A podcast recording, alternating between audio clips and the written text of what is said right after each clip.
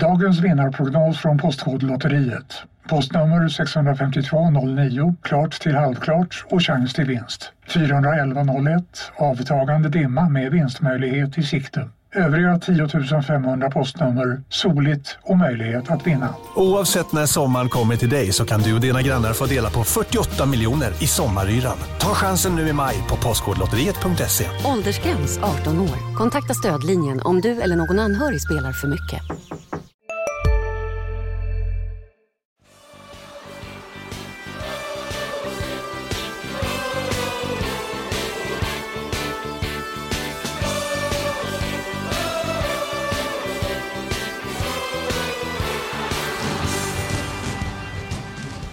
Landskrona Boys-podden bjuder på en, ska vi kalla det, hedersgäst. Per Hansson, Discoverys eh, TV-expertstjärna, är på plats i HD-studion här. Det var Hur en, känns det? eh, En fin, så fin prestation, har presentation har jag nog aldrig fått faktiskt. Jag känner mig hedrad.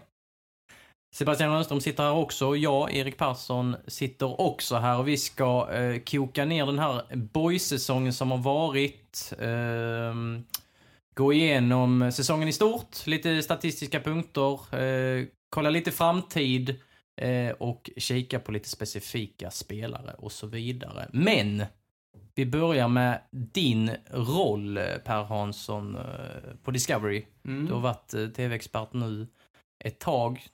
Eh, hur är den vardagen?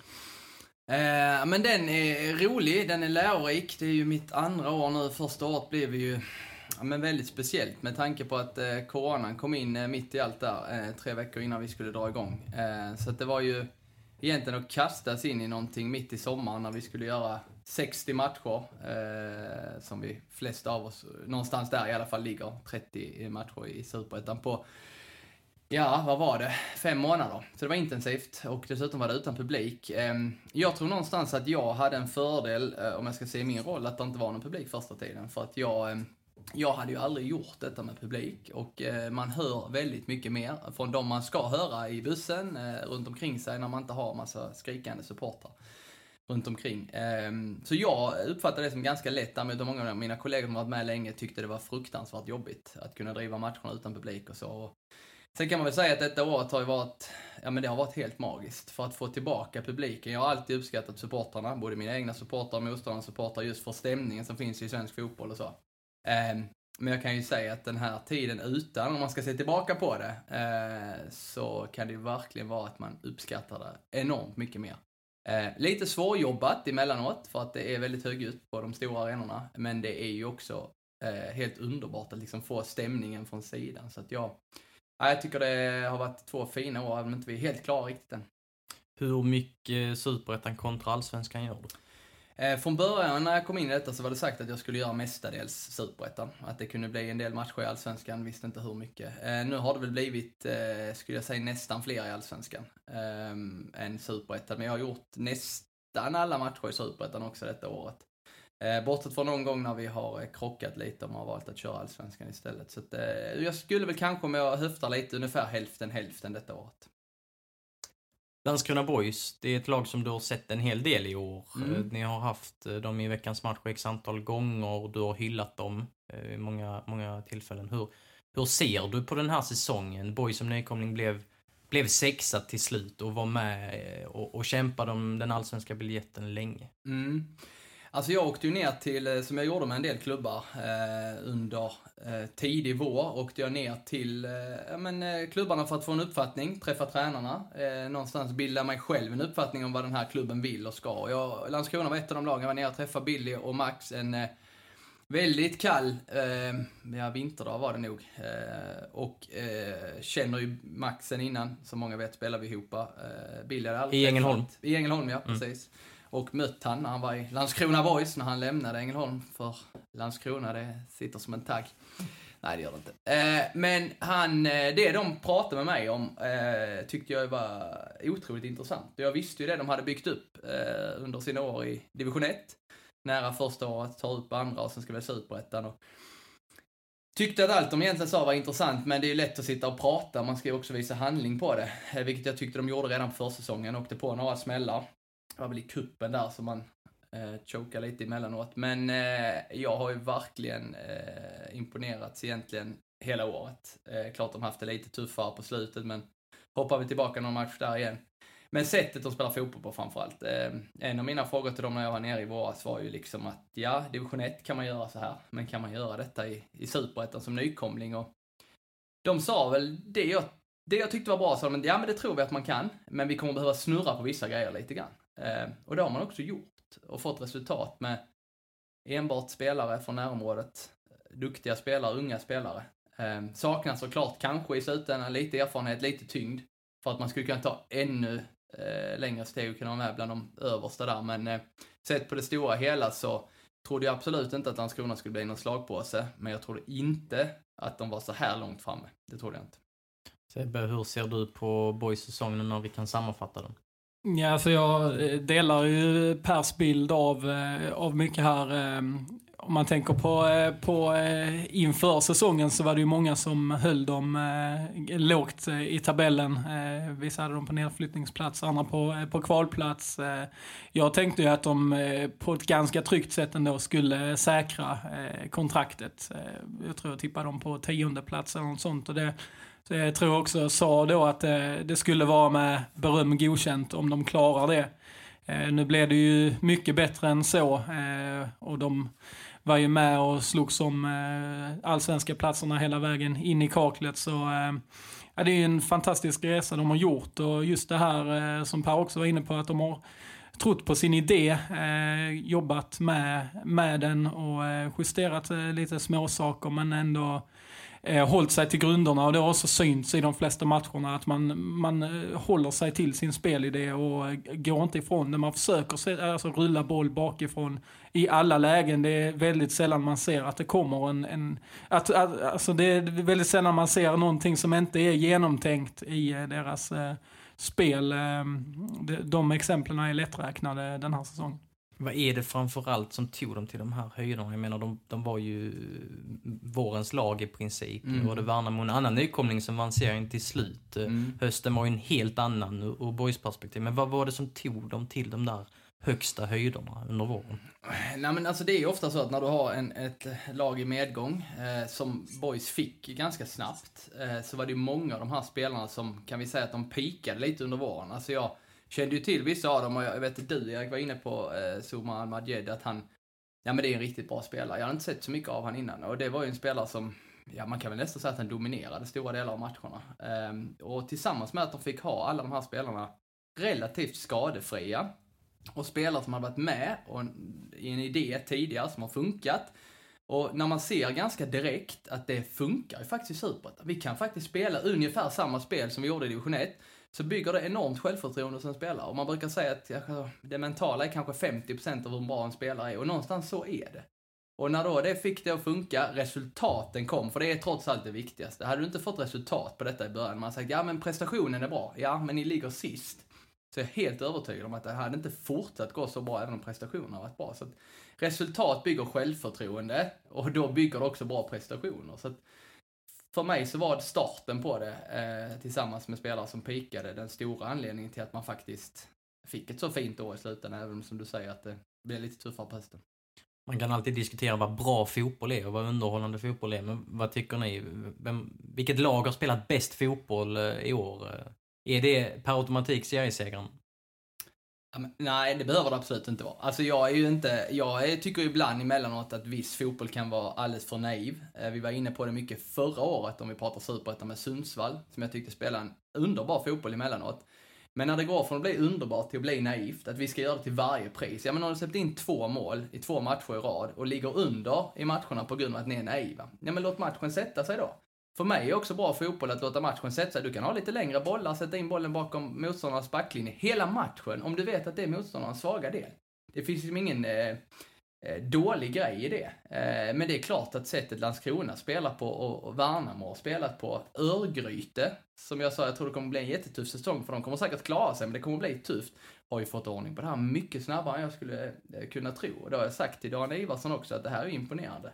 Och det var en av de klubbarna som Billy Magnusson sa till mig när jag var nere och träffade dem att du måste titta mycket på Örgryte för vi har sett vad han gjorde i division 1.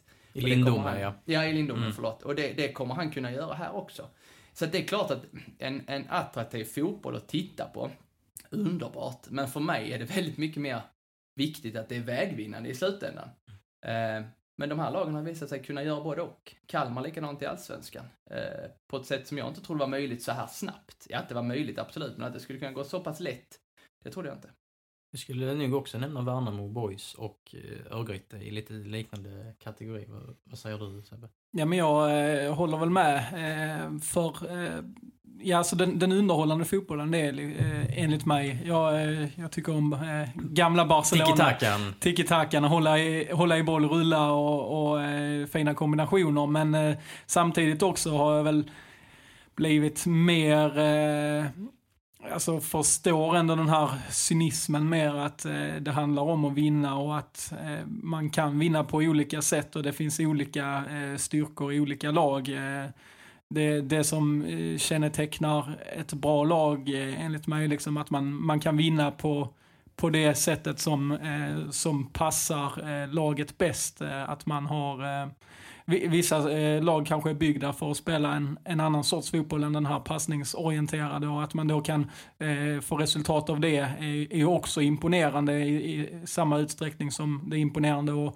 att rulla sig till, eh, till framgång. Eh, men jag håller med om att de tre lagen sticker ut i, i sättet de, eh, de spelar på. Kanske framförallt då i Värnamo och, och Borg som har varit med i, i toppen och gjort bra resultat eh, över stora delar av säsongen.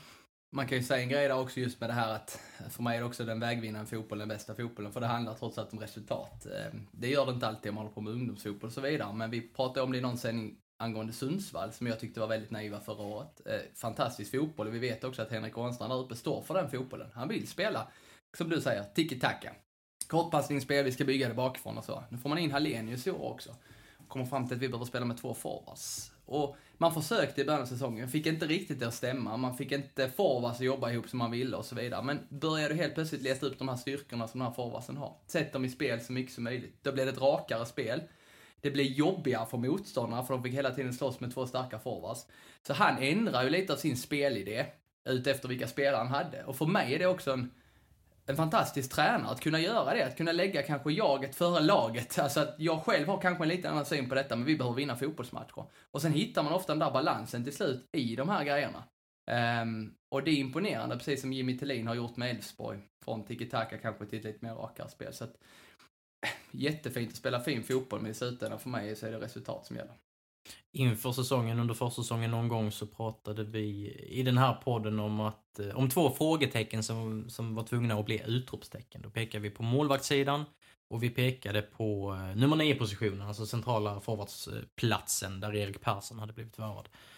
Tycker ni att, att, att de positionerna funkade? Eller kan man, om man ska börja hitta liksom, anledningar till att det inte blev en allsvensk biljett, är det där man ska kika då eller är det, är det andra bitar?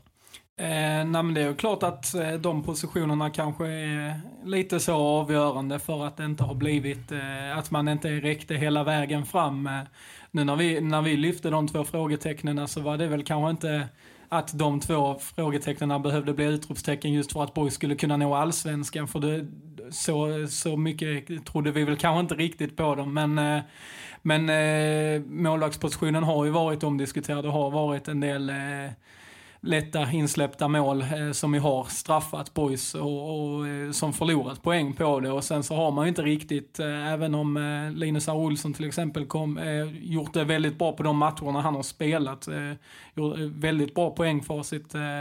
Eh, men han har ju också vi varit kan ju säga skadad. det är 8 plus 2. 8 Ja. mål, 2 assist på 18 matcher. Det är, det Det är bra ett, är ett riktigt bra facit, men samtidigt är det då 18 matcher, så han har ju varit borta i 12. Eh, Robin Hofse gjorde det bättre än, förvä- än vad jag förväntade mig, men...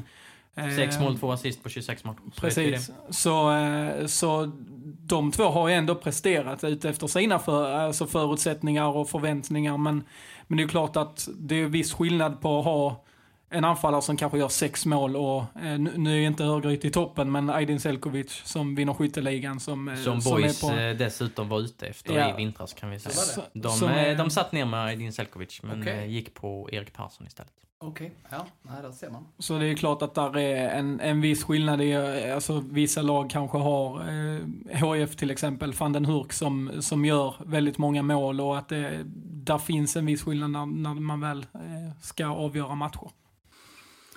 Ja, men det är intressant det där med Hofse, för jag, jag såg ju han lite när han var i Eskilsminne eh, och tänkte väl ganska som du sa att jag, jag, jag tycker han har gjort mycket bättre än förväntat. Och då ska man komma ihåg, vad sa du, 6 plus 2? Japp. Och för en forward i Superettan som spelar de flesta matcherna, eller 26 matcher, så är det klart att 6 plus 2 är ju inte, är inte jätteimponerande. Och ändå tycker man att det var bättre än förväntat. Och för mig är det liksom lite då att, ja men hade man haft en nummer 9, typ Persson, som kunde gjort kanske 10, 12, 14 mål för Landskrona Boys så är det ju kanske skillnaden på att ligga på en sjätte plats eller en andra plats eh, där Sundsvall är, som har två forwards som har gjort väldigt mycket mål. Så det är klart att en, en nummer 9, det pratar vi mycket om i Allsvenskan också, eh, kanske har avgjort för, nu vet vi inte om de vinner, men Malmös fördel med Colak som har gjort en massa mål. Nu har AIK på slutet kommit igång och vad beror det på? Jo, Stefanelli och Bahoui där fram har börjat göra mål. Så att en nia eh, som gör mycket mål är viktigt för vilket lag som helst. Och det är en av anledningarna kanske till, eller en av anledningarna som skulle kunna vara att Landskrona hade kommit ytterligare något snäpp. Sen är det svårt att säga när de kommer på sjätte plats som nykomling. Det är ju enormt imponerande. Eh, målvaktsposten är ju en annan. Vi har väl ställt oss lite, eller jag har ställt mig frågan till under säsongen. Eh, absolut inte på något sätt att det har varit dåligt. Men det kanske inte har varit tillräckligt bra om man ska ta det där nästa steget. Lite för mycket misstag. I stundtals fina prestationer, en hög högsta nivå men kostat lite för mycket poäng. Eh, framförallt i derbymatcherna, där kanske man kanske måste vara som bäst. Ehm, och jag brukar säga som målvakt så ville man ju gärna att man gick plus, liksom att man kunde göra, rädda några poäng men att det inte kostar så mycket i andra änden. Och de tycker jag är de bästa målvakterna som gör det. Och där har det varit ett, eh, ett eller är ett frågetecken för Landskrona, hur det ser ut och hur de tänker framåt på den posten. Eh, skadorna under hösten, säger jag, eh, påverkade väldigt mycket på resultatet. Hur ser du på målvaktsskiften under säsongen? Amokadora var ju petad ett tag, Mm. sen tog han tillbaka platsen, sen Mm. spelade Svante Hildeman lite igen. Eh, Det blev 23 matcher för Amokadora, 7 matcher för Svante Hildeman, som var Mm. helt ny på den här nivån. Mm. Hur ser du på målvaktsskiften efter en, två, tre tveksamma ingripanden från, från den tidigare första målvakten? Nej, men jag gillar ändå det här att man ska känna förtroende. Det var viktigt för mig, jag tror det är viktigt för de flesta målvakter, att känna att, att ehm, jag kan göra ett, kanske två misstag eh, innan det börjar spekuleras. Jag spekulerar så gör det kanske hela tiden, men innan i alla fall tränaren börjar spekulera, ta bort mig. Den tror jag är jätteviktig. Men jag tror också det har förändrats lite grann. Eh, kommer tillbaka till det lite sen, vad som med allsvenska de målvakterna, men Eh, förr var det ju alltid så att en förstemålvakt spelade spelade nästan sina 30 matcher, eller 26 som det var för oavsett hur det gick. Men han var vår första målvakt. Och varför ska man inte kunna byta en målvakt på samma sätt som man byter en utespelare? Men målvaktsposten är ju lite mer förtroendeval. Det är ju en trygghet, det kräver stabilitet och så vidare. Och en kommunikation med backlinjen. Men jag tror det har börjat förändras lite. Eh, förr var det verkligen hårt. Du spelar han och sen byter vi kanske till nästa säsong, och nu är han min förstemålvakt. Jag tycker inte man kan ha problem med att säga att just nu är du en dålig trend. Eh, du behöver kanske vila några matcher, så ser vi var detta landar. Och framförallt handlar det inte om vila fysiskt, det är ju mentalt. Att koppla bort fokus från en målvakt som har kanske gjort två, tre misstag och framförallt som Kadura gjorde i, i derbymatcher. Det är lite mer media, lite mer publik, det snackas lite mer, det skrivs lite mer. Ta bort fokus för honom genom att ta bort han kan också ge en mental trygghet och komma in i lite träning igen. Alltså som målvakt, bara få träna några veckor och inte känna pressen inför match, utan dagen innan match också kunna mata på och rädda bollar. För det vet jag att när jag var inne i lite sämre perioder så gillar jag att träna hårdare och egentligen inte bry mig så mycket om att det var dagen innan match, utan nej men smäll på, jag vill börja rädda lite bollar igen så man får tillbaka lite känsla. Ehm, och det sitter mycket mentalt. Tittar vi då på allsvenskan idag som också brukar vara en målvakt, att man, ja men man gör sina 28-29 matcher. Alla topplagen har ju bytt målvakt under säsongen. Mestadels på grund av skador, eh, men även på grund av att den andra har gjort det bra, fått hoppa in en match och så har det gått bra så har man bytt igen. Eh, eller inte bytt igen och i vissa fall bytt igen då. Eh, så att eh, jag tror det förändras lite grann. Eh, just för att det är, det är mer press och stress idag med allt som finns runt omkring en klubb och sociala medier och det läs mer, det skrivs mer, folk tycker mer.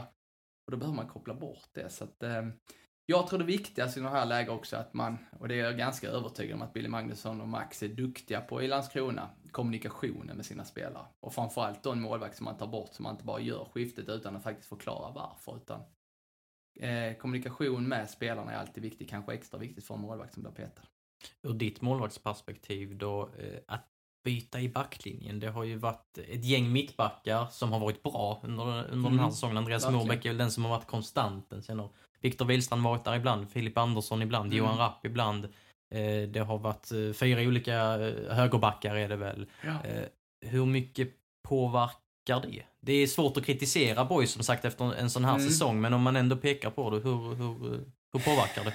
Är det ett sundhetstecken att man kan göra så? Eh, det är ett sundhetstecken utifrån att de faktiskt varit ganska bra allihopa. Om man ska se till eh, att man pratar om inför säsongen att det är viktigt att en nykomling får hålla alla sina spelare friska och som har bytt till massa olika mittbackar. Det är ju någonstans en eh, styrka.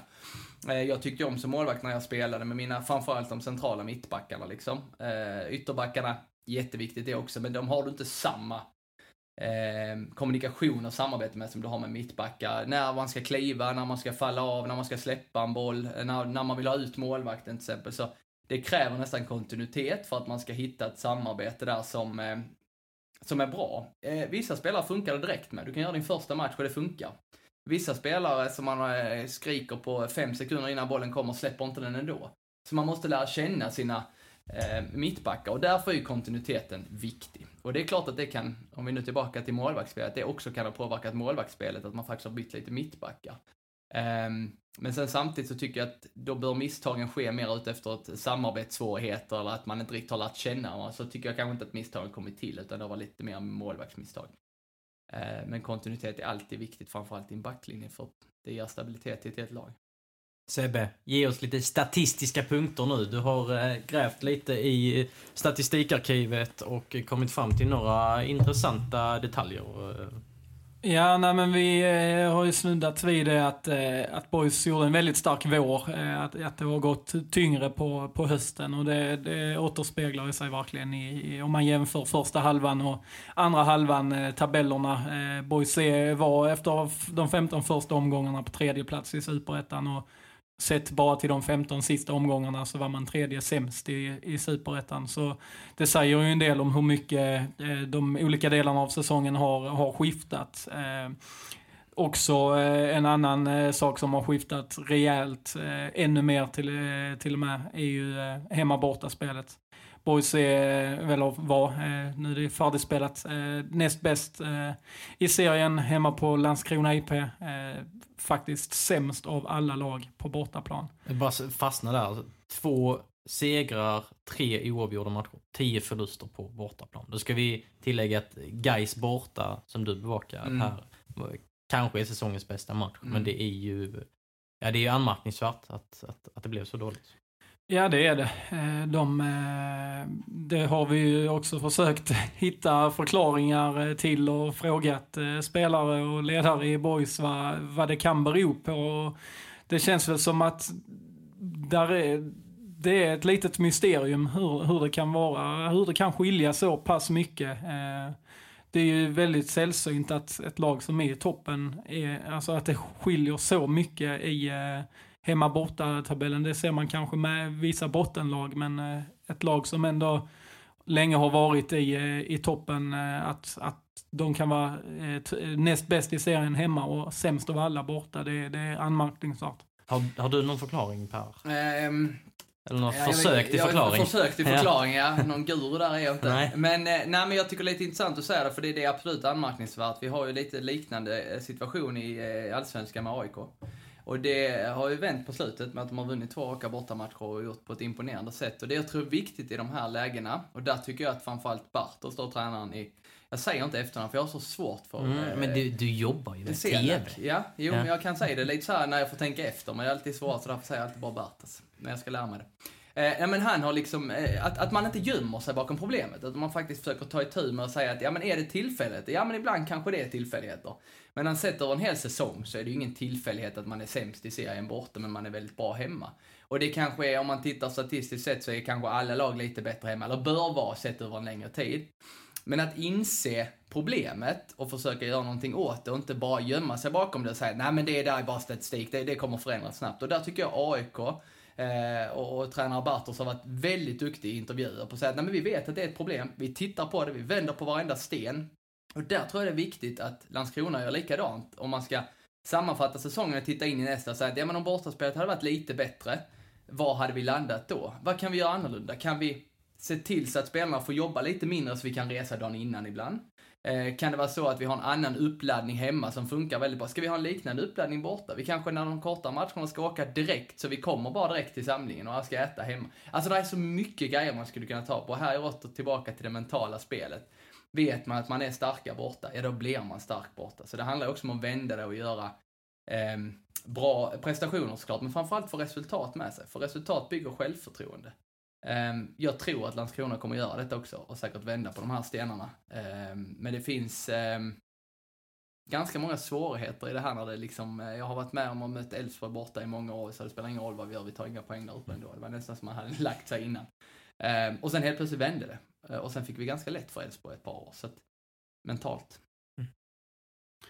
Alltså det är ju ja, mycket mentalt som, eh, som Per säger och det är ju klart att den här eh, faktorn med att eh, boys inte är heltidsanställda, att det liksom blir en annan sorts eh, grej att åka iväg på en bortamatch eh, än att eh, vara hemma, alltså med, med uppladdning och, och tid och, och, och, jobb och allt sånt här. Att det är saker som, eh, som kan spela in. Sen så eh, är det ju, alltså tittar man det är ju betydligt mer, alltså konstgräs är det ju mycket i superettan. Men det känns ju inte som en anledning egentligen till att boys eh, skulle, skulle prestera dåligt. För så som boys spelar och så, så är det ju ändå en, ett underlag som bör passa. Och det, det säger de ju själva också, att de trivs på konstgräs. Ja, det är ju det um, possession-starkaste laget i, i ligan som ja. borde väl generellt sett passa på det mm, underlaget. De är ju ett av de lagen tillsammans med, så vi pratar mina Örgryte och Värnamo i alla fall. ja, de, jag, tror de är, jag tror de har mest bollinnehav eh, sammanlagt i hela och vann bollinnehavet i 22 av 30 matcher. Mm. Så det Mm. Det säger ju någonting. Ja men absolut, jag tror du är inne på en grej där just med konstgräs, att det påverkar lite, men att det egentligen borde vara till deras fördel. Sen är det ju inte bara passningsspel på konstgräs som behöver vara bra, det är ganska mycket timing. Eh, att kunna sätta en, en djupledsboll som går rakt fram på ett blött konstgräs är nästan omöjligt. Det måste ofta komma i lite vinklar. Pressspelet är annorlunda. Pressspelet är annorlunda. Det är nästan, det har blivit lättare för att vi får fram fler och fler konstgrässpelare som kommer upp och är uppväxta med konstgräs. Men jag har ju varit i Örebro när Marcus Land skulle gå in i press och han stoppar ju inte än idag nästan. Alltså det, han kom inte ner i fart och, och Nordin Gazic sa väl tunnel till han innan han hade slått den. Och det var liksom för att de var vana vid detta. Lands kom utomlands ifrån, hade inte koll på konstgräset. Och det börjar ju försvinna lite. Eftersom att vi äldre, lägg märke till att jag sa vi, har slutat. Um, men det är säkert en av anledningarna till att eh, det har varit så, men att det borde egentligen passat bättre. Men jag tror att det viktiga är att Landskrona inser att det var inte bra och, och vänder på alla stenar för att kunna ändra på det. Har någon mer statistik Sebbe som pekar åt, åt någon riktning som kan eh, stärka någon eventuell tes? Eh, svårt att säga. En sak jag kikar på var eh, när boys, eh, när man tar ledningen eller när man hamnar i underläge, hur, hur det skiljer sig i slutresultatet. Och där har ju faktiskt boys haft tufft när man hamnat i underläge. Eh, då har man bara två oavgjorda och så 11 förluster på de 13 matcher man hamnat i underläge. Så det det är en eh, grej eh, som sticker ut. Eh, där är de faktiskt eh, sämst i ligan tillsammans med Falkenberg. Falkenberg har hamnat i fler underlägen så därför låg de under i tabellen men det var lika många eh, poäng de hade lyckats ta. Eh, boys eh, när de tar ledningen å andra sidan är ju, är ju stabila. 12 segrar, eh, tre oavgjorda, en förlust. Så det, det skiljer sig också väldigt mycket där. Tänker du något speciellt Per? Eh, jag vet att du du eh, gillar statistik lite mer och mer för varje mm. månad som går, men man ska ja. inte fastna i träsket för mycket. En nyhet. Nu kan du teckna livförsäkring hos Trygg-Hansa. Den ger dina nära ersättning som kan användas på det sätt som hjälper bäst. En försäkring för dig och till de som älskar dig. Läs mer och teckna på trygghansa.se. Trygg Hansa. Trygghet för livet. Hej, Synoptik här. Visste du att solens UV-strålar kan vara skadliga och åldra dina ögon i förtid? Kom in till oss så hjälper vi dig att hitta rätt solglasögon som skyddar dina ögon. Välkommen till Synoptik.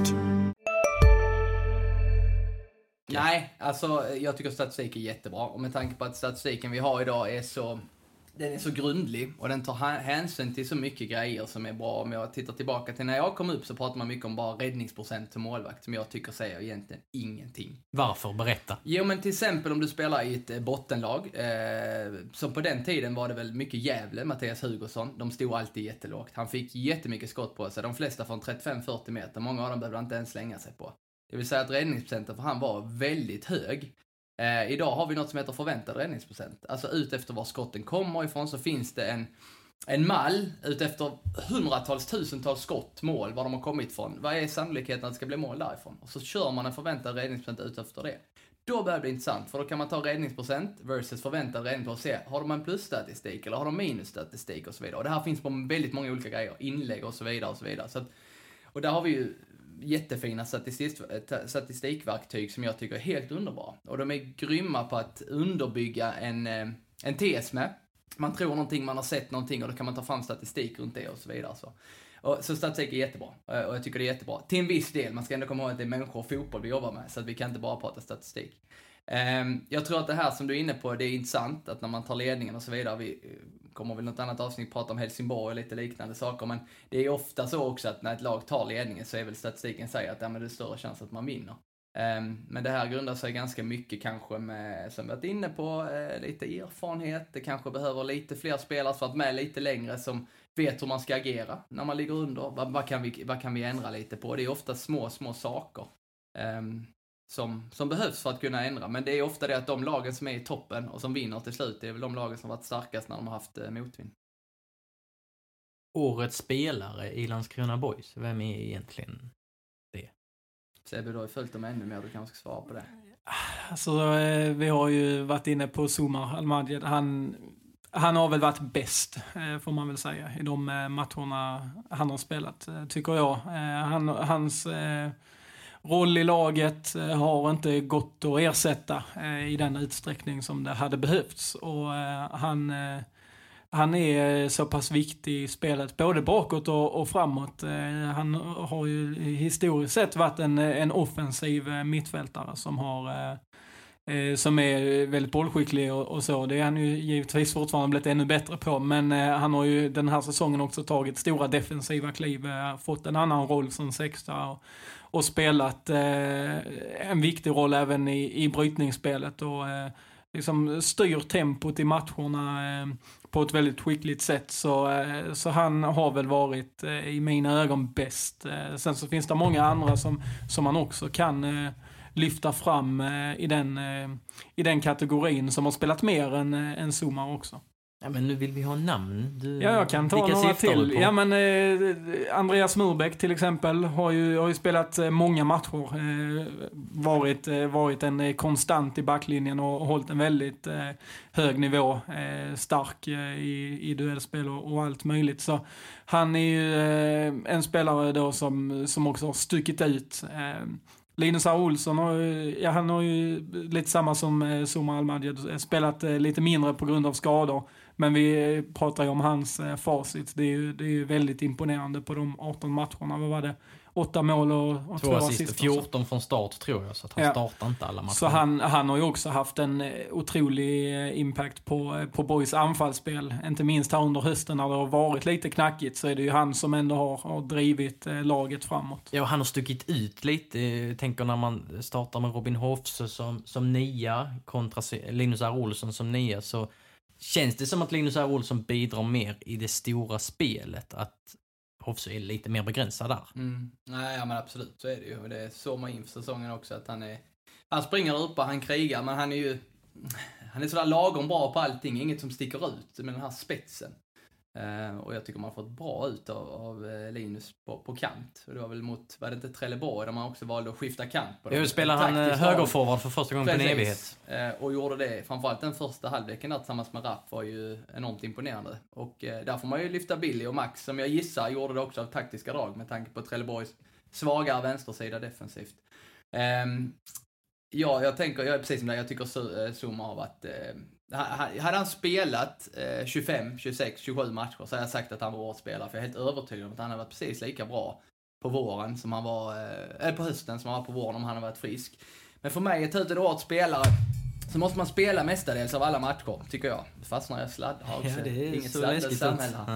Ehm, så, att, så att jag är inne på, lite som du var sen, eh, Murbeck. har ju varit en riktig klippa där bak. Eh, någon att luta sig mot, någon som står upp när det blåser lite grann, som sällan gör misstag, sällan gör en dålig match. Eh, och det ledarskapet jag tycker han har visat på planen, jag vet inte alls hur han är vid sidan om, eh, tycker jag har varit imponerande. Och för mig så finns det många spelare som har varit bra i boys, så det är ganska svårt att ta ut. Men man behöver spela mestadels av matcherna. Eh, och då är Murbeck en av dem. Ehm, eller kanske den som jag hade tagit ut om jag skulle gett ett pris till någon.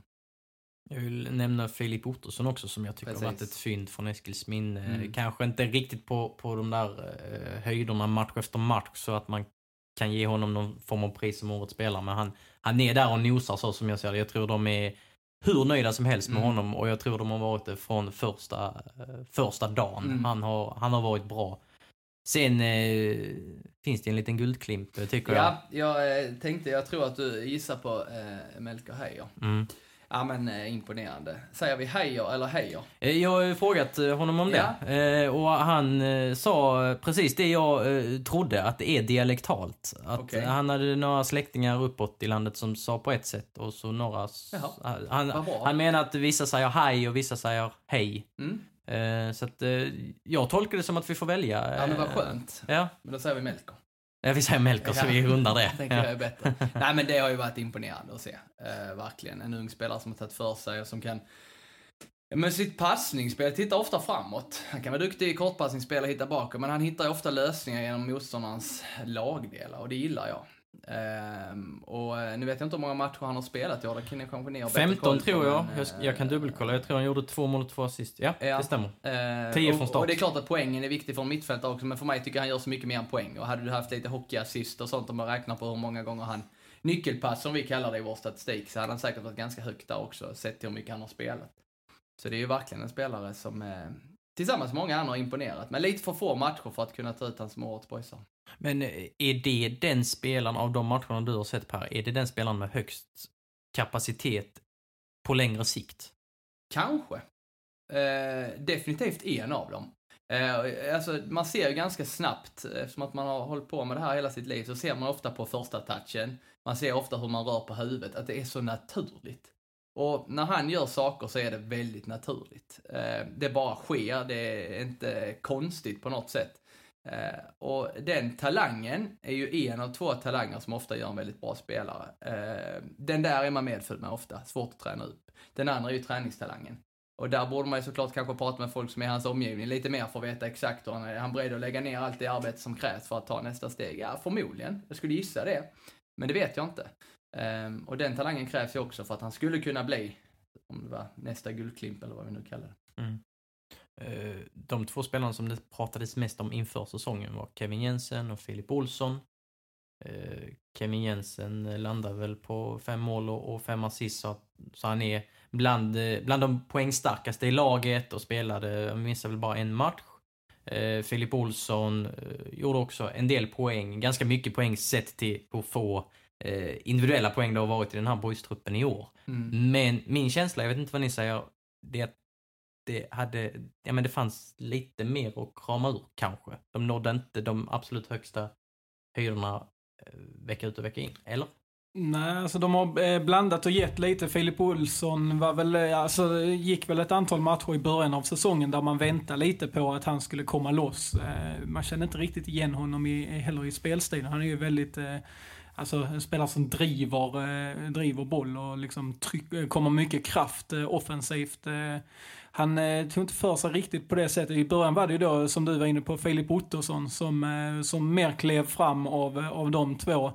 Ehm, sen har de eh, gjort väldigt bra prestationer också och det finns ju säkerligen ett, ett stort intresse för, för båda fortfarande. Men känslan var väl att eh, de skulle ta ytterligare kliv här i Superettan och kanske tillhöra, ja men eh, kunna vara med där och slåss bland de bästa på sin position i serien. Och det är väl inte riktigt min känsla att de är med och ja, men slåss om kanske någon topp 5-plats eh, om man ska ranka spelarna så i, i sin position. Eh, Kevin Jensen eh, också blandat eh, högt med lågt. Eh, varit, varit godkänd men man hade kanske velat se att han kunde komma upp i lite fler poäng.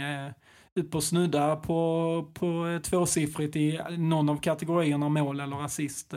För att han skulle kunna, man skulle känna att han har tagit det där ytterligare klivet som, som nog många förväntar sig. Med det sagt känns det ändå som två blivande allsvenska spelare. Eller? Så kan det absolut vara. Ehm, jag tror Kevin Jensen spelar allsvensk fotboll nästa år. Ja, det finns ju mycket som talar för det med tanke på vad man hör, vilka klubbar han har varit och besökt och så vidare. Ehm, jag är helt enig med att det har varit lite för mycket högt och lågt. Alltså att kunna ligga på en konstant nivå sett över en hel säsong är svårt för alla. Det kommer ofta med erfarenheten också. Tittar du Sebastian Larsson i Allsvenskan så är det ju konstant bra. Det är varken mer eller mindre och de är rätt sköna att ha spelare som Kevin Jensen är ju lite, eftersom att de spelar med ganska hög svårighetsgrad emellanåt, så blir det också per automatik ganska högt och lågt. Eh, små marginaler från att lyckas och misslyckas. För hans del, om det nu ska bli allsvenskan, tror jag det är också viktigt, precis som man pratar om Almadje, vad spelar han nästa år? Eh, först och främst får man ju vara skadefri såklart, men att man hittar om det nu blir allsvenskan, att man hittar rätt klubb. Att man inte bara går efter att, eh, ja men Djurgården och Hammarby vill ha mig. Det är kanske lite bättre betalt, men där finns också kanske tre spelare till på min position som slåss om den här platsen. För när du är så ung så är speltid jätteviktigt. Så högt upp som möjligt, absolut. Och just så tidigare du kan, ju bättre är det. Men att komma till en klubb där du har en tydlig idé för dig, där du får tid. Kalmar är ett exempel som det, som jag tror att många unga spelare är intresserade av att gå till nu. Dels för att de spelar fin fotboll, men för att Henrik Rydström också har en idé vad han ska göra med spelarna. Oliver Berg tycker jag är det bästa exemplet när han plockar från Sundsvall i Superettan. Han var bra förra året. Men det var inte så att jag sa att han skulle gå in och dominera allsvenskan på sin position, vilket jag tycker han har gjort. Eh, så att där tror jag att klubbvalet man väljer är väldigt viktigt i den åldern de är och de spelarna med att tänka igenom noggrant. Och där hoppas jag att de har rådgivare omkring sig som verkligen ser detta och kan hjälpa dem det tisslas och, och tasslas om just Kevin Jensen till Kalmar också. Det är så också. Så att, eh, ja. vi, vi, har inte fått något bekräftat när vi spelar in det här, men det är mycket möjligt att, att eh, det, det blir något där. Bra val i så fall, säger jag. Sumal Madjed och du Per eh, korade honom till vårens MVP mm. innan mm. sändning i somras. Um, vad hade du velat se honom spela fotboll nästa år? Han har ju också utgående kontrakt mm. som Och det är klart tråkigt för boys med tanke på att de hade kanske kunnat få en slant för de här spelarna. Eh, om, de, om de hade haft lite längre kontrakt med dem. Ja men det är en intressant fråga. Eh, vad han skulle kunna passa om det nu skulle vara allsvenskan. Det, det som talar emot det lite grann är ju såklart att han har varit lite skadebenägen nu. Och det är ju inget snack om att klubbar i allsvenskan tittar till stor del på detta också. Eh, sen kan det ju vara skador som man kan ganska lätt bli av med genom bättre träning, kanske ett annat medicinskt team och så vidare.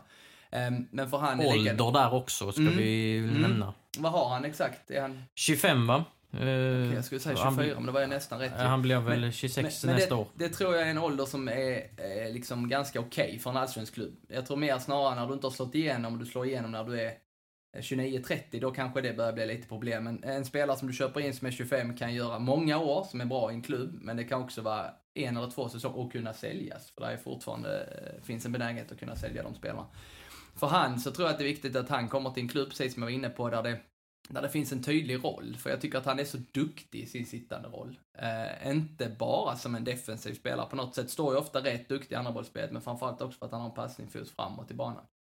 Eh, men vilken klubb skulle det vara? Eh, som det, det ska du berätta? Det ska jag berätta för dig. Det skulle jag vilja veta innan, så jag kan fundera lite kring den den rollen. Eh, jag tycker ju att ehm, Elfsborg eh, har de typen av spelare, men jag är inte säker på att de behåller dem. André Römer tycker jag är en spelare som är extremt bra, har varit jättebra hela året och Holst är en annan som jag ska inte säga att de har delat på den rollen för att Holst har varit lite mer offensiv i sitt spel, men Elfsborg är en sån klubb som jag tror skulle kunna titta på en sån spelare. Eh, utvecklingsbar, relativt rätt ålder. Eh, Boys har haft lite problem med konstgräs och det är konstgräs där uppe, men jag tror att han är rätt skicklig på konstgräs. Det går ganska fort, men han är duktig med bollen och så. Så skulle jag vara Elfsborg så skulle jag nog ha ett litet öga på, eh, på Zuma, det skulle jag nog säga. Mm. Uh, Superettan i stort och vad tycker vi uh, egentligen om, uh, om den här uh, upplagan? Uh, HIF exempelvis som landar på allsvensk kvalplats tog bara 48 poäng. Mm. Säger det någonting? Det har ju snacket har ju varit igång ett tag om att mm. det är en svagare superetta än, än, äh, än på några år. Och, och då ett argument varit att ja, men Värnamo sprang hem serien och mm. även Boys, en annan nykomling, har varit där uppe. Och ja, det finns en, ett knipa argument kring mm. det. Mm. Ska, vi, ska vi börja med Sebbe? Vi börjar gången? med det bästa. Eh, ja, vi börjar med det bästa. Och man kan ju börja med att konstatera att det har varit eh, något av skrällarnas eh, superetta. Inte Värnamo där som går upp som nykomling. Boys som länge är med i toppen. Norrby som, som har varit ett bottenlag som kommer fyra. Missar kvalplatsen på målskillnad. Det, det var ju inte många som, som trodde att det skulle vara så. Det, många hade Sundsvall och HIF i, i topp. Nu gick ju Sundsvall upp så de har ju motsvarat förväntningarna. HIF eh, har ju fortfarande chans också att gå upp eh, genom kval. Men alltså min, min bild är väl också det som, som många pratar om. Att eh, det känns som att Superettan har varit svagare än på länge. Det känns som att det är egentligen bara Värnamo, eh, ja om vi ska bredda perspektivet till Allsvenskan också, så känns det som att Värnamo är det, det enda laget som konsekvent har varit bra i svensk eh, elitfotboll eh, den här säsongen. För det känns som att även topplagen i Allsvenskan har, har vacklat ganska mycket. Eh, men Värnamo har varit eh, på en konsekvent hög nivå hela Vilket säsongen. utspel alltså. Ja, det där kan få rubriker då. ja. Nej, men, eh, men så nej, det har varit eh, ojämnt på många, på många håll bland topplagen då främst får man ju säga på kanske ett lag som HIF då, Trelleborg som hade mycket förväntningar på sig Öster. Eh, så jag, eh, det har ju inte varit eh, särskilt många lag av de förväntade topplagen som har imponerat. Sen är vissa med i toppen ändå, men det, ja, en, en svag säsong är, min, min bild av det i alla fall. Ja, men jag delar den bilden. Jag brukar säga, för att vara lite snäll, så är den, det är en jämn serie. Eh, tycker jag är Nej, så du, du fint kan inte vara en sån diplomat Nej, men det kommer vara i början och sen kommer jag eh, ändra mig. Nej, jag kommer inte ändra mig, men det, det är ju en serie där man kände egentligen oavsett vilken, vilken sändning vi hade, vilka lag vi gjorde, så eh, kunde det sluta lite hur som helst. Om jag tittar tillbaka till 2020, när vi hade Halmstad och Degerfors, så märkte vi ju ganska direkt att det här är ju två lag som är bra, och de är bra mycket bättre än sina motståndare. Sen gick de på plumpen ibland, men det var för att, ofta för att de hade en dålig dag. Eh, nådde de sin nivå så vann de sina matcher. Eh, om jag ska generalisera lite grann. Och det vet jag också, om du pratar med en del klubbar förra året som, som spelade i Superettan så sa de att när vi mötte Degerfors och Halmstad så, så var det lite så att ja, det här blir nog tufft. Men eh, vi kör och så ser vi hur långt det räcker. Men att man i år har sagt att ja, men när vi har mött topplagen i år så har vi ändå känt att vi har haft en god chans. Um, det har inte känt sig chanslösa på något sätt. Och detta är ju tesen du är inne på också, att den har varit svag. Alltså toppen har varit svagare. De så kallade topplagen eh, som jag trodde att det skulle bli inför säsongen, alltså Trelleborg, absolut, eh, Helsingborg. Eh, och Sundsvall är väl de som kanske har upp, eh, svarat upp till förväntningarna något sånär. Eh, och eh, faktiskt gjort det bra framförallt på hösten när de har blivit lite tunga och, och lite av den nivån som jag trodde redan att de skulle ha tidigt på säsongen. Så att eh, generellt sett så tycker jag att det är en svagare superetta i år än vad det var förra året. Och då är det framförallt eh, jättekul med mycket överraskningar. Men det är topplagen som jag tycker har varit svagare än eh, vad de var 2020. Eh, ska vi avrunda med en, eh, en sista punkt? En eh, framtids utblick. Det har hänt en del i Landskrona Boys eh, efter den sista superettan-omgången mot AFC Eskilstuna. Eh, dagen efter så blev det officiellt att sju spelare eh, lämnar klubben. De får inte förlängt kontrakt. Jonathan Asp, Niklas Nielsen, Måns Ekvall, Dennis Olofsson, Passi Prudence, Hampus Farm och Robin Hofsö. Och sen tidigare Luka Petrovic som har varit ut, utlånad i ja, en evighet. Han har också lämnat. Och så har Edvin Dahlqvist, vänsterback från Kviding, kommit in. En eh, allsvensk eh, match eh, mot AIK 2019. Ett Mm. kort inhopp. Jesper Strid, högerback från Lunds BK, är klar. Och så Osmane Diawara som har provspelat i en U21-match tidigare under hösten, är, är klar från Karlberg i Stockholm. Det händer mycket på kort tid. Vad känner vi spontant kring detta? De tar nya eh, spadtag och eh, har stått i någon, i någon form av eh, vägskäl och eh, verkar ha valt väg. Det är, jag tror det är 800 matcher plus som lämnar och det är några trotjänare. Vad säger du Sebbe? Alltså det är intressant att se. Eh, vi har ju pratat om det här att Boys har eh, hållit fast vid sin idé. Eh, och det är eh, tydlig, att man har haft en tydlighet i vad man har velat göra. Och det är ju detta ett, också ett ännu ett exempel på eh, när man redan eh, dagarna efter eh, sista matchen har klart med tre nyförvärv och rensat ut det, det man vill rensa ut. Sen så lär väl fler spelare kanske lämna här vad det lider, men då rör det ju inte sig om att Boys inte vill ha kvar dem. Jag tycker det är intressant, för det, det var inte helt givet för mig att alla de här sju då, som fick lämna i söndags, Eh, att alla de skulle eh, lämna. Eh, det, jag köper ju förklaringarna i, i många fall. Tar man de tre högerbackarna, till exempel Dennis Olofsson, Hampus Farm och Jonathan Asp, så har ju ingen av dem lyckats ta en ordinarie plats. Och man, man har ju inte hittat rätt på den positionen och då är det väl inte mer än logiskt egentligen att man söker något, något bättre och annat alternativ. Men samtidigt så är det ju som du säger många, många trotjänare, många kulturbärare eh, som lämnar. Där finns många kvar också ska vi komma ihåg. Det är ju eh, väldigt eh, lokal prägel på, på det här laget fortsatt. Eh, men eh, det är intressant att se att de har eh, rensat ut eh, så pass mycket i, eh, i truppen. Det, det blir ju också, det är ju inte bara att man ska eh, plocka in eh, nyförvärv. Alltså det är många, eh, många delar i laget, många positioner som det behövs ersättare på eh, också här framöver. Så det ska bli intressant att se. Visst, man, man håller väl fortfarande kvar vid sin strategi, känns det som. Att man försöker hitta guldkorn på lite lägre nivå. Så det, där är det ju ingen skillnad, men man vidgar väl ändå sina vyer lite grann, åtminstone. Vi ska säga också att vi spelar in detta under onsdags förmiddag så att eh, det kan eh, kanske ha hänt ännu mer eh, när du lyssnar på det här. Mm. Vad säger du, fint, fint sagt, Per?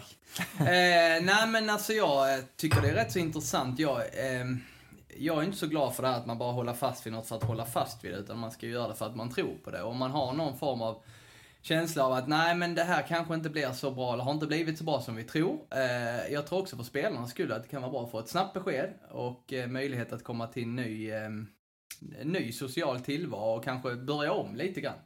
Vissa av de här spelarna har ju spelat en hel del också, ska man komma ihåg, så att det är ju, där är många matcher som försvinner, men jag får ju en känsla av att eh, Landskrona fortfarande vill vara det lokala, såklart. Men man har också börjat plocka in lite utifrån. Och för mig är det ett sätt att säga att nej, vi vill lite mer än vad vi är idag. För jag tror att det är omöjligt att kunna säga att ja, men nästa steg för Landskrona är förmodligen att man ska vara med och slåss om allsvenska platser. Och att man ska kunna göra det bara med spelare precis i närområdet och att det bara ska vara en viss ålder och så vidare. Det är jättesvårt. Nästan omöjligt att göra.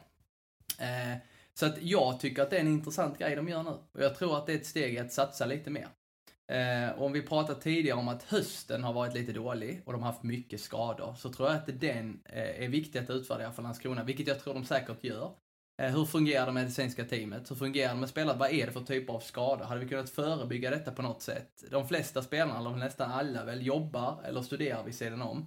Om vi kan lägga två träningar till i veckan, kanske tre på försäsongen, vad innebär det för våra spelare? De blir starkare, de blir bättre, vi får mindre skador, vi kanske får en finare höst. Så jag tror att sådana grejer, tillsammans med att man eh, får en del spelare som man inte vill ha att lämna, gör någonting med en klubb som gör att de kan ta nästa steg. Eh, för Landskrona är ett av de lagen, de kanske till och med det lag som har tränat minst hela året. Och jag tror att det påverkar hösten enormt mycket. Jag är helt övertygad om att det medicinska teamet, det, det är nästan... Där, där kan man få årets värvning om man träffar rätt inför nästa år. Eh, Ja, alltså att kunna hålla spelarna på planen eh, nästan oavsett pris. Det är så enormt viktigt. Och dels för att man vill ha de bästa ute när det är matcher, men också för att kunna ha en trupp som tränar varje vecka.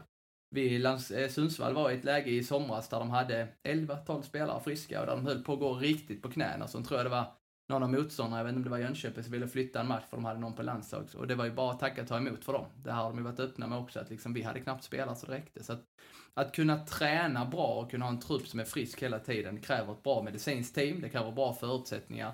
Eh, och det har kanske inte Landskrona haft om man ser till eh, att de har, ja, inte ens halvtidsanställda spelare skulle jag vilja säga.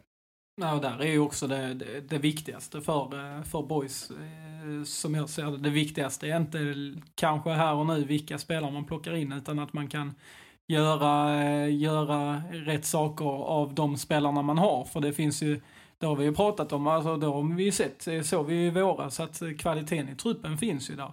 Högsta nivån håller för att slåss om de allsvenska platserna. Så kan man få rätt på allt runt omkring eh, så är ju mycket vunnet bara, bara där. För eh, eh spetsen och, eh, och den högsta kvaliteten i eh, de spelarna som finns i lag. Nu, nu kommer vissa av dem att lämna givetvis, men, men eh, där, där finns ju, grunden finns ju. Det är ju det här runt omkring som behöver eh, förbättras i första hand. Jag tycker också det är intressant. Jag vill bara lyfta en liten varningsflagga. Zuma Al-Madjed lär lämna också. Kevin Jensen, Andreas Morbeck har vi hyllat. Det lär finnas intresse där. Filip Olsson kan mycket väl eh, stå och klubbar intressekön där också. Ponera att tre, fyra av de spelarna också lämnar. Då har de bytt ut, eh, ja, då är vi uppe på runt 14 spelare. En halv Hur många av dem har avtal? Filip Olsson har avtal, Andreas Morbeck har avtal. Och så Kevin Jensen och Zuma Almadjed utgående. Mm. För att, alltså, absolut. Eh, Amor Kadora eh, ska vi också, målvakten, ja. har utgående kontrakt mm. och, och, det skulle väl inte... Vi skulle väl inte trilla av stolen om de kikar på, på andra målvakter då. Nej, precis. Nej men alltså spela med kontrakt som man kan tappa, det, det, så kan det ju alltid vara. Men då väljer ju klubben att göra det efter att man, man faktiskt fick ganska bra betalt. Vilket gör att man också i andra änden kan eh, varva in lite bättre spelare. Däremot så är det som du säger, man kan inte tappa hur många spelare som helst. För att någonstans har de byggt någonting under tre år som de verkligen tror på och som de har visat har funkat i Superettan. Och det är klart, 14 nya spelare in om det skulle bli så. Det kan bli svårt eh, att kunna få det att fungera direkt. Jag är helt övertygad om att Max och Billy, och det ska de göra, kör kvar på samma sätt och spelar fotboll. Snurrar ytterligare på några grejer som kanske inte har funkat. Ja, det har de varit tydliga med här nu när framtidsbeskeden har kommit, att de, de ska följa samma melodi. Mm. Men som du var inne på Per, att eh, stegra det lite. Ja, och det är jättebra. Men eh, blir det för många på en gång, du behöver ju kvar de här spelarna som varit med de här åren, som, som du kan bygga det kring. Som säger, men så här har vi gjort innan och i de här situationerna har vi varit med om och då har detta hänt och det här måste vi snurra på, detta har varit bra. Erfarenheten är viktig. Um, man tittar på varva spelare så är det klart de ska inte varva spelare som är lastgamla, det är sällan bra. Men de behöver ändå in lite erfarenhet och lite karaktärer i laget som kan lyfta detta tillsammans med att försöka förlänga med de här som har utgående. Men eh, de som sitter på kontrakt tror jag de är ganska trygga med att skulle vi släppa dem så är det ju för att de får bra betalt. Något att tillägga eller känner vi oss nöjda med den här eh, säsongssammanfattningen? Ja, men har man en så bra moderator som dig så är vi väl rätt nöjda, är vi inte det? Ja, hyllningen i natt. Ja. ja tack så mycket. Tack för att du kom hit Per. Tack själv. Tack till dig Sebbe och tack. Ja, tack till mig själv då också. Ja, får jag väl göra då efter den hyllningen. ska du ha. Ja, tack så mycket. På äh, återhörande. Det finns en risk att detta är årets sista avsnitt av Landskrona Boys-podden, men vi kommer såklart äh, tillbaka äh, så fort som möjligt. Men det är mycket möjligt att vi hörs först i januari när 2022 har kickat igång. Tack så mycket.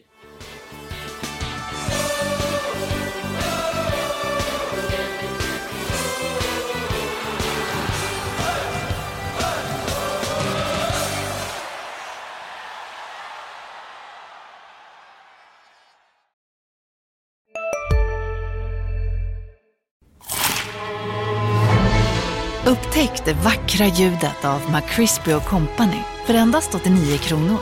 En riktigt krispig upplevelse.